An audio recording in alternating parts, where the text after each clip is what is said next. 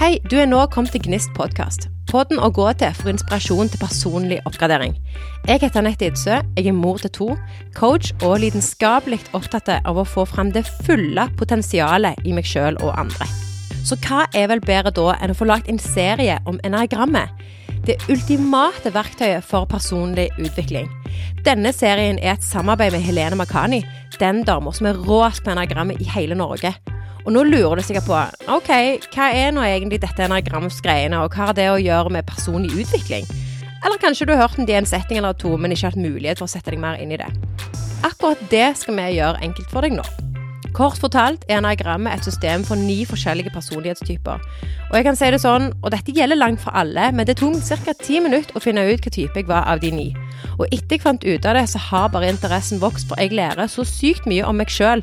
Det er nesten som å ha et kapittel i ei bok som beskriver deg på godt og vondt.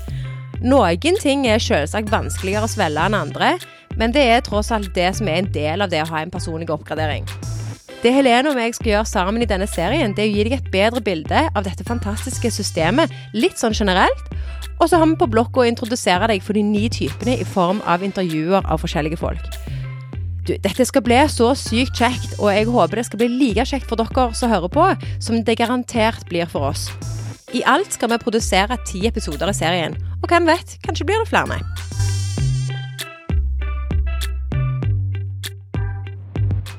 Helene, kan ikke du starte med å fortelle litt om deg sjøl og hva vi skal snakke om i første episode?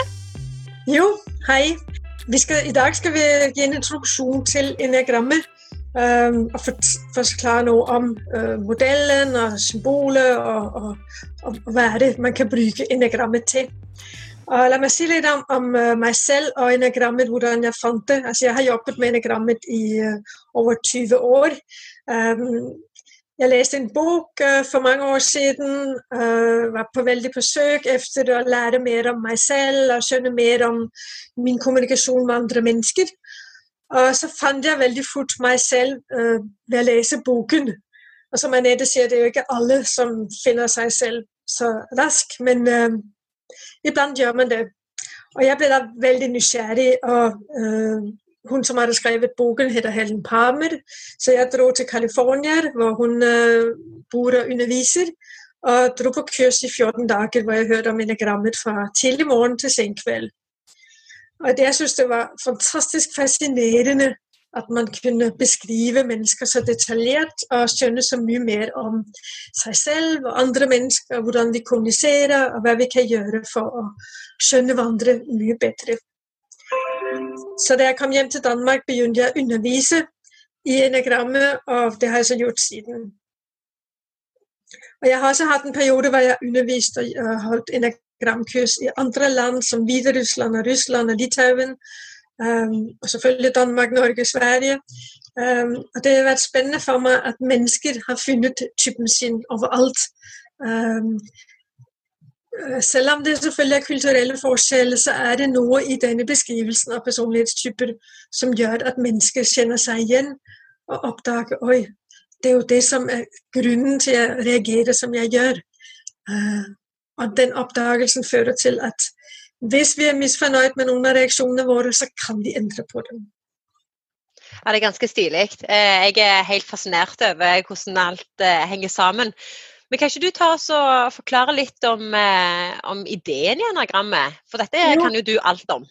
Ja, jeg kan det. Um, altså bare, la meg si først, Enea betyr simpelthen ni, så navnet er jo litt mystisk. Så, men det er ikke så mystisk egentlig når man skjønner. Det bare betyr simpelthen en modell for ni typer, eller ni punkter. Um, og ideen i enagrammet er jo simpelthen at du skal finne typen din og oppdage mer om deg selv, og, og, hvordan du så å si sitter fast i en bestemt måte å tenke på. Og også oppdage den tankemåten. Den gir faktisk noen utfordringer.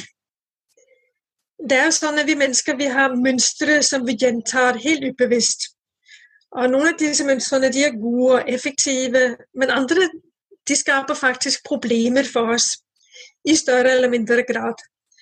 Um, og når jeg sier mønstre, så mener jeg at vi er faktisk jo mye mer forutsigbare enn vi selv tror. Vi tror kanskje at vi er litt originale og fleksible, men vi har en tendens til å gjenta oss selv, liksom vi velger en strategi. Ja. Mm. Du kjenner deg kanskje litt igjen? jeg, kjenner, jeg kjenner meg veldig igjen. Det som du tror du, du jeg, eh, Min egen oppdagelse på akkurat det var, var litt det med at jeg, eh, jeg du tror at du, at du, på en måte har en helt egen måte å reagere på, og, og, det er så typisk meg å gjøre sånn, men det du på en måte finner ut når du blir kjent med typen din, er jo det at det, det, er, ikke, det er ikke helt sånn det henger sammen. Når du blir kjent med noen andre i samme typen, så finner du ut at her er det de mønstrene går igjen og igjen og igjen. Så du er, ja, unikheten er virkelig ikke til stede der. Ikke sant? Og det som er interessant, er så også at, at når vi, vi kan bli sant? Vi kan bli bevisst mønstrene, og så kan vi få mulighet til å stoppe dem. Det er ikke så lett som man egentlig skulle tro. Dels fordi mange av mønstrene er helt blinde for oss. Uh, jeg husker f.eks. da jeg lærte om enagrammet, så var det et mønster for min type som jeg var sikker på at jeg ikke hadde. Um, det, og så sa jeg det til mannen min. Du, det der, det gjør jo ikke jeg. Gjør jeg vel? Men tenk deg det, han sa jo, det gjør du faktisk. og så etter hvert så fikk jeg øye på når jeg gjorde det. Og det som, som, som gjør så, så bra med det, det er at det hjalp meg til å endre atferd, og det hjalp meg dermed til også å forbedre parforholdet, for det var noe jeg gjorde som var temmelig ubehagelig for ham, faktisk. Mm. Og Hvis dere ser på podkastcoveret for denne serien, så legger dere sikkert merke til dette litt sånn snodige symbolet. Kan ikke du si noe om det, Helene? Jo, det er, det er litt snodig, som du sier. Um, og litt spennende, for det er et, et, symbol som er mye eldre enn personlighetsmodellen. Altså den der modell for ni personlighetstyper. Um, opprinnelsen til symbolet fortaper seg faktisk litt. Uh, men vi vet at det har vært brukt som et symbol for hvordan vi beveger oss gjennom ulike stadier i en prosess. Altså Vi beveger oss gjennom ni ulike stadier og hver stadie øh, representerer en type energi. Øh, altså ni forskjellige energier. Og med energi kan du bare tenke f.eks. yttervendt energi, eller innadvendt, eller fokusert, eller kreativ energi osv. Bare på å gi, gi noen eksempler på hva jeg mener med energi. Og så har symboler også en sterk esoterisk, altså opprinnelig spirituell betydning, men det skal jeg ikke komme inn på her. Men sånn som vi bruker symbolet i dag, så er det jo en sirkel med ni punkter, hvis du ser på det, og, og to indre figurer. Mm. Um, det er en trekant mellom punkt 3, 6 og 9, og så er det en slags stjernefigur som forbinder de øvrige seks punktene. Og Enagrammet er spennende, for det er et dynamisk system. Altså Vi mennesker endrer oss jo, vi er ikke de samme utover dagen. Uh, hvis vi f.eks blir litt presset på tid, eller blir presset eller usikre på, på noen ting vi står overfor, noe vi skal bestemme oss for, eller andre ting som gjør oss presset, så, så endrer vi oss litt. Og da følger vi faktisk strekene. Øh, så f.eks. en type 3 som blir presset, vil få noen trekk for type 9. Og en, en 3 er vanligvis svært aktiv energi, men vil kanskje få en litt mer passiv eller laid back energi. Og omvendt, når vi er mer trygge, så følger vi de strekene andre veien. Så en treer som er trygg, vil få noen trekk for type 6. Uh, øh, og det vil si at treeren som vanligvis handler veldig raskt, vil ta seg mer tid til å analysere før de gjør noe. Og de vil kanskje også bli mye mer orientert mot å jobbe sammen i en gruppe, fremfor å være solspiller eller stjerner. Og så er det jo noe som heter vinger. Eh, og det høres jo egentlig ganske merkelig ut. Liksom, vi vet jo at du ikke kan fly med dem, men hva er det egentlig? Hva betyr disse vingene? Det gjør det jo bare enda mer komplekst. Ja, det gjør det. Altså, vi er jo, mennesker er jo sammensatt og komplekse. Um, så ja, vi er grunnleggende én type. Um, men så har vi blir vi influert, påvirket av naboene våre.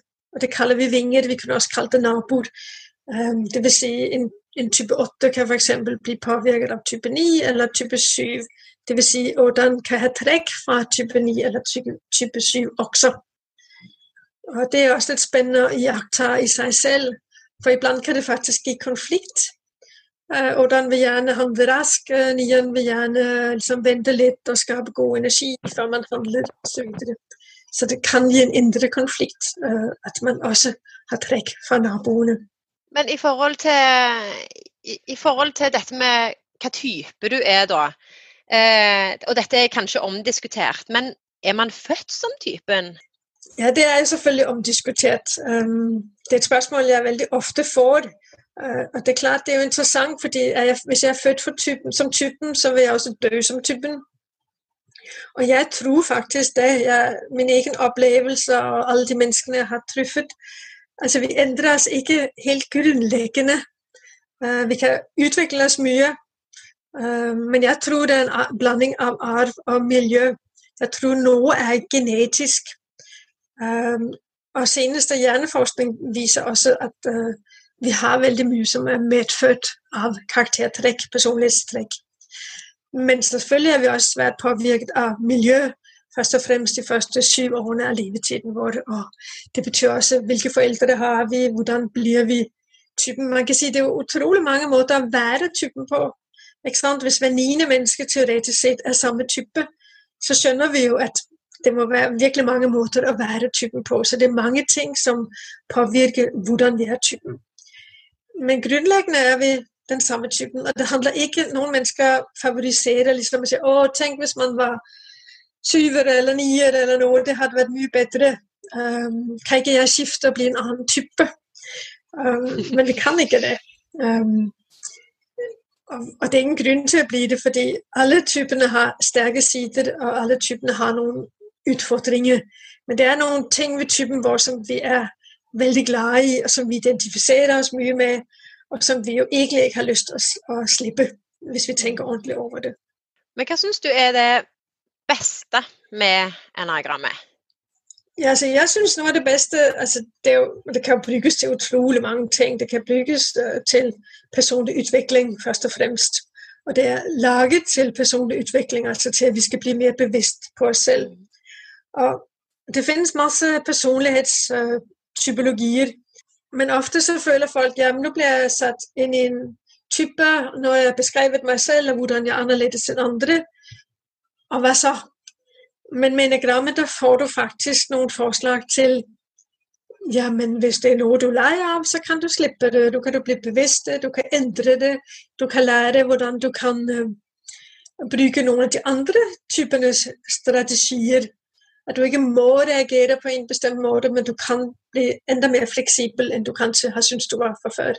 Ja, og Det er jo kanskje noe eh, som jeg, jeg, husker du sa på, på kurset òg, Helene. og Det var jo litt det med at eh, du, har, du, på en måte, du bor jo i én type, men du har, jo litt, du har jo litt fra alle.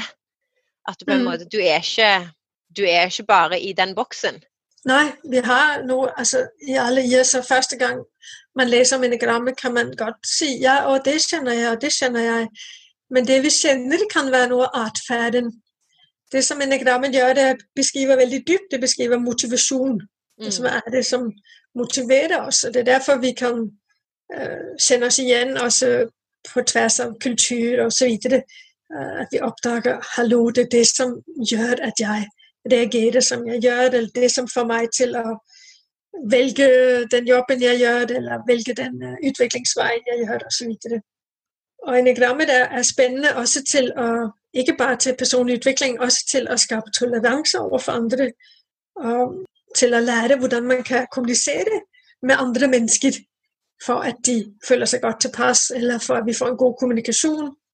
Øh, det betydde utrolig mye for, for meg i mitt tidligere parforhold, hvor, hvor vi ofte misforstod misforsto hverandre og skapte faktisk stressituasjoner for hverandre.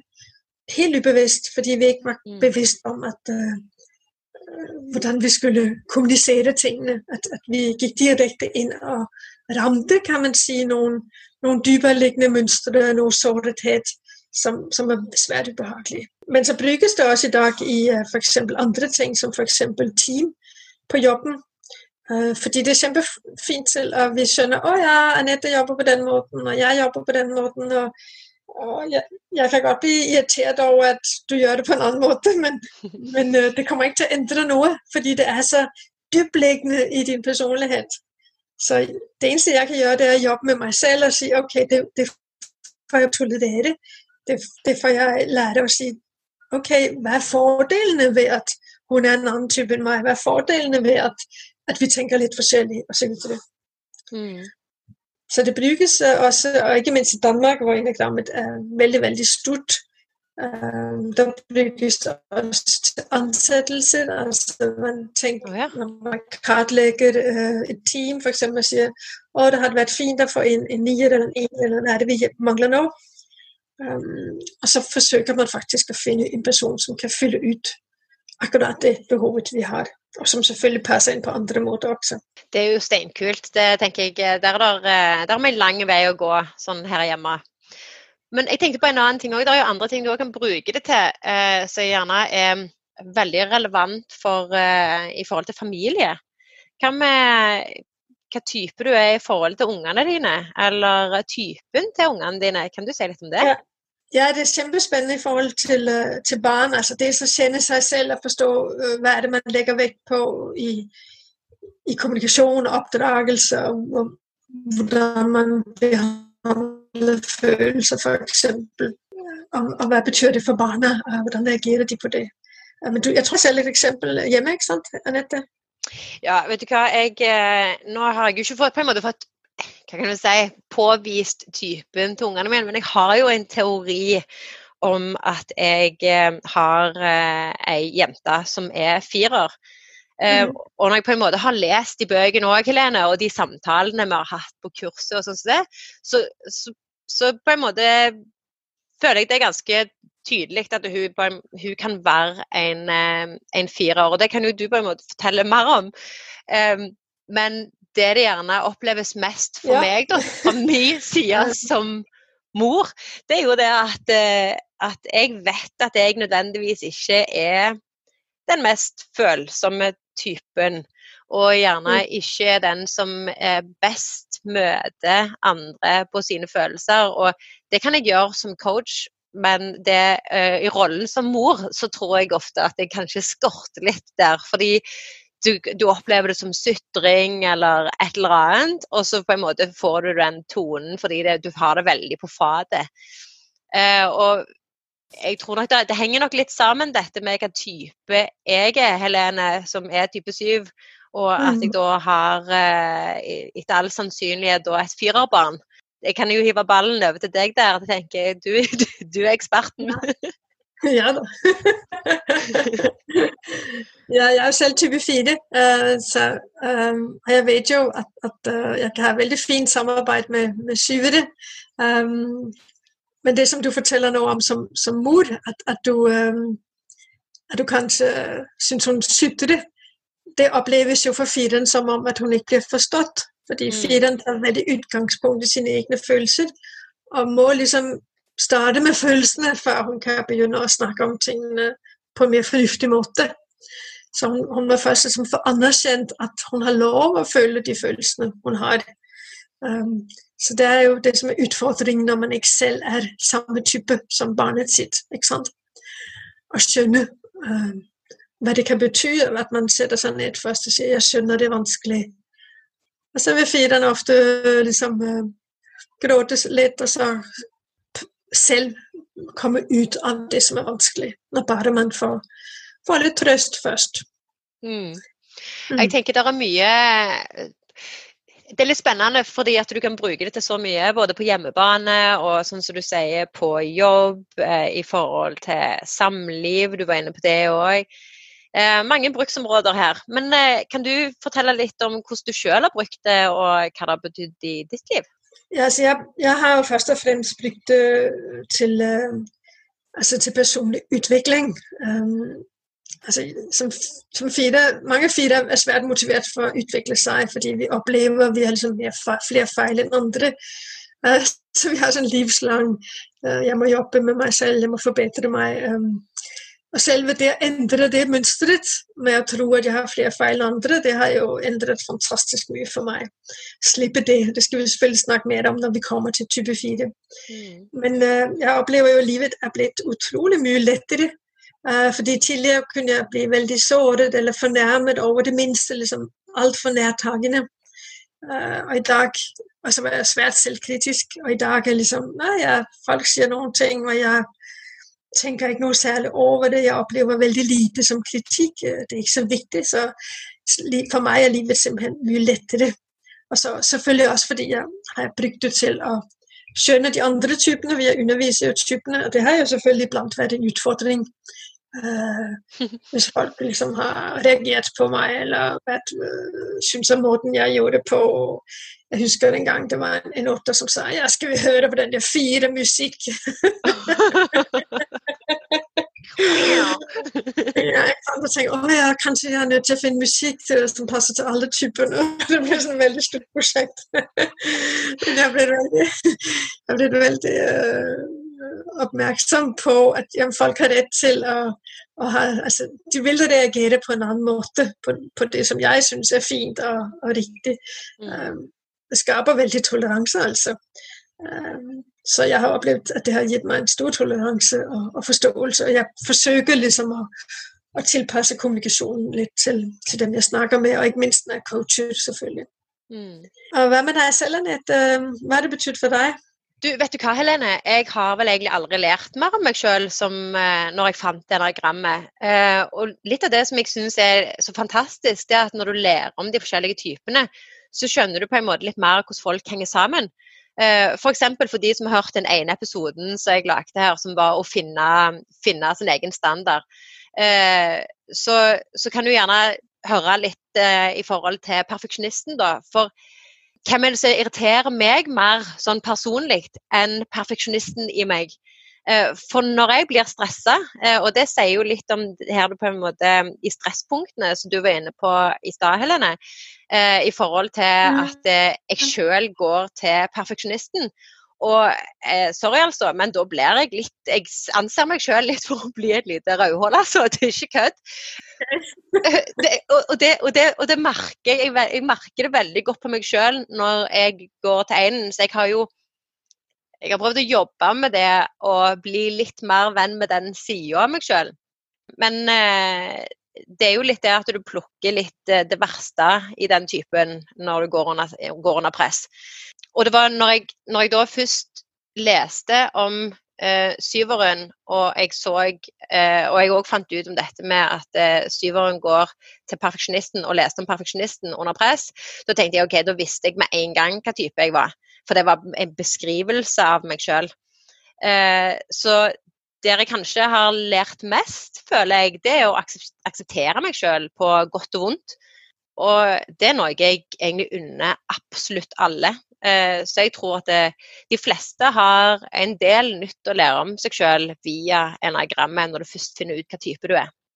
Ja, ikke sant. Hvis man virkelig gir seg selv lov å, å, å se på seg selv. Mm. Og det mm. kan være litt ubehagelig første gang, faktisk. Man, man, første gang man øh, oppdager typen sin, så er det litt sånn Oi! For det står noen ting, eller man lærer noen ting som man kanskje ikke har lyst til å se så mye på seg selv. Ja, det blir litt sånn slap in the face. Ikke sant? det, det, blir litt sånn eh, du, du, kan ikke bare ta det gode, eh, du må ta driten òg. Ja. Eh, men det er jo det som er litt kjekt, da, syns jeg. Det er jo å jobbe med litt de mørkere sidene òg. Det er en utfordring, men det er litt ja. gøy og litt spennende å bli kjent med seg sjøl på litt flere på litt flere måter, litt andre vinkler. Ikke sant? Så, mm. jeg, jeg, pleier også å si til folk når de skal uh, finne typen sin, altså du kan ikke bare velge den du helst vil være. det, det, er, det, er, kanskje ofte den du minst har lyst til å være, uh, som er typen. Ja. Vi snakket om det hadde vært lett for oss begge to å finne typen vår, men for noen mennesker tar det faktisk temmelig mye tid. Mm. Og da må de virkelig gå inn og, og spørre seg selv hm, hva er det som motiverer meg, hva er grunnen til å gjøre det jeg gjør? Eller som du, som, hvordan reagerer jeg når jeg blir presset? Um. Kan være en måte å, å finne seg sin typen sin på.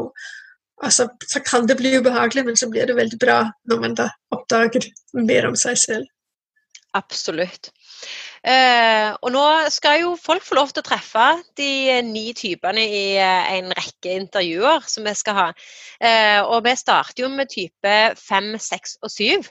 Men eh, hvorfor det, Helene? Hvorfor starter vi ikke med type én, f.eks., og begynner, på, begynner fra begynnelsen? Nei, det kan du si. Um, man kan starte hvor som helst, selvfølgelig. Men det vi ikke har snakket om, det er at man deler inn typene i tre intelligenser. Uh, nemlig hode, hjerte og kropp. Eller uh, mental intelligens, emosjonell intelligens og instinktiv intelligens.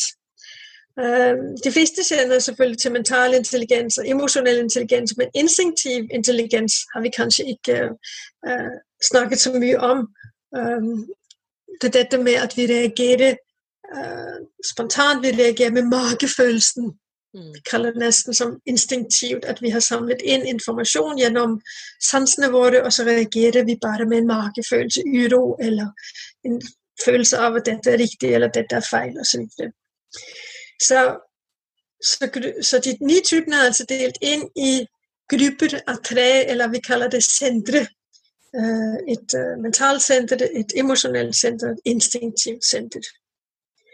Øh, så hver type tager udgangspunkt i en af disse intelligensene. Du kan sige, man stoler mest på den intelligensen. Og det betyr da at vi har tre typer, som er i hodesenteret, altså det mentale. Og det er type 5, 6 og 7. Og så har vi tre, som er i kroppssenteret. Det instinktive, det er type 8, 9 og 1.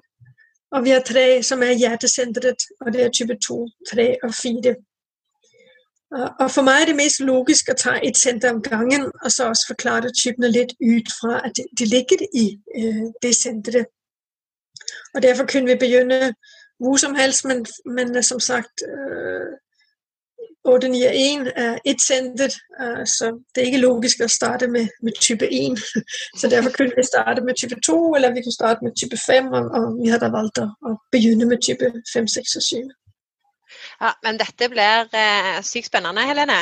Men vi har jo òg helt glemt egentlig å eh, presentere typene våre. da. Vi har vært inne på det, men vi har vel ikke egentlig sagt så mye om det? Nei. Um, altså, jeg nevnte hvis jeg er type 4. Vi snakker litt også om det. Um, det vil si jeg har utgangspunkt i emosjonell intelligens. Type 4 er en en personlighetstype som er svært opptatt av følelser, og av å analysere følelsene sine og forstå følelser. Og at um, å starte, kan du si, eller begynne Første reaksjon er ofte en, en reaksjon uh, fra hjertet eller fra, fra, følelsene. Så følelser betyr utrolig mye uh, for en type fire. Og for meg har det vært uh, fint å lære for meg å akseptere følelsene mine, at jeg er så følsom, fordi jeg har også liksom forsøkt gjennom livet å, å, være mer mental. Har selvfølgelig også mye av det mentale.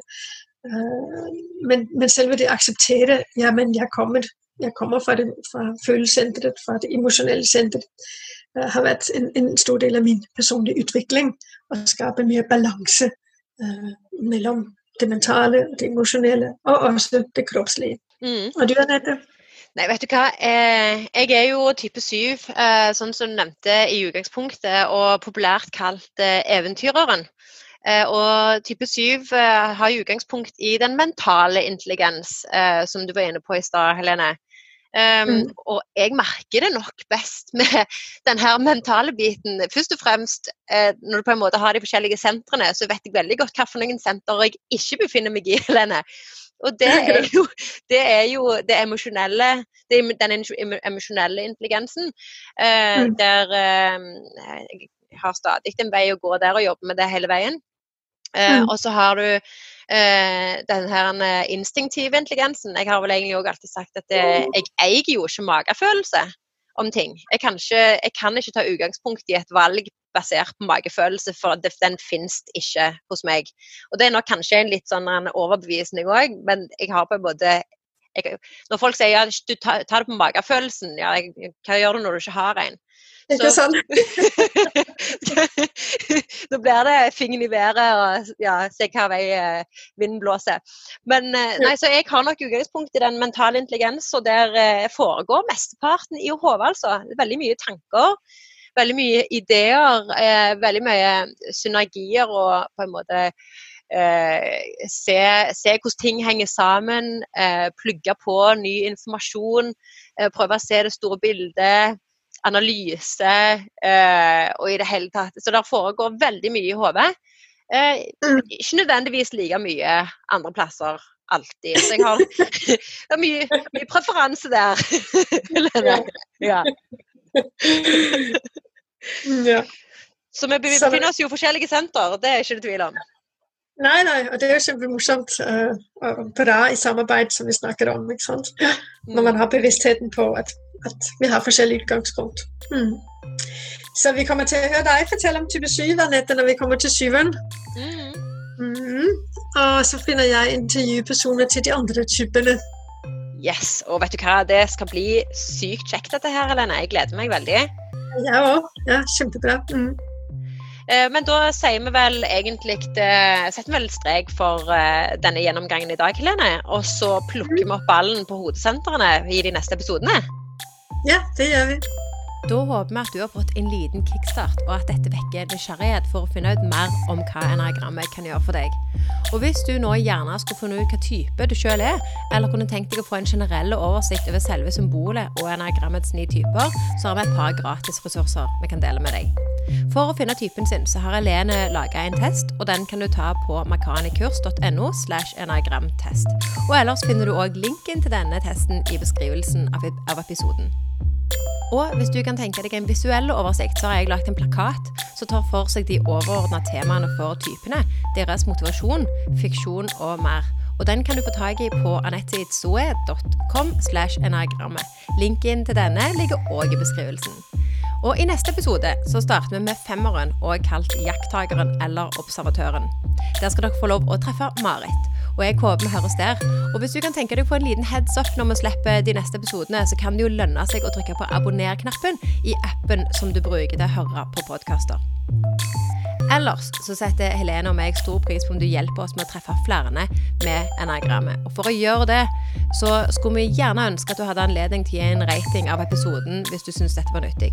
Det gjør nemlig at flere kan finne den og bli bedre kjent med enagrammet i alle tilfeller, tusen takk for at du hengte med oss, og ta godt vare på deg sjøl.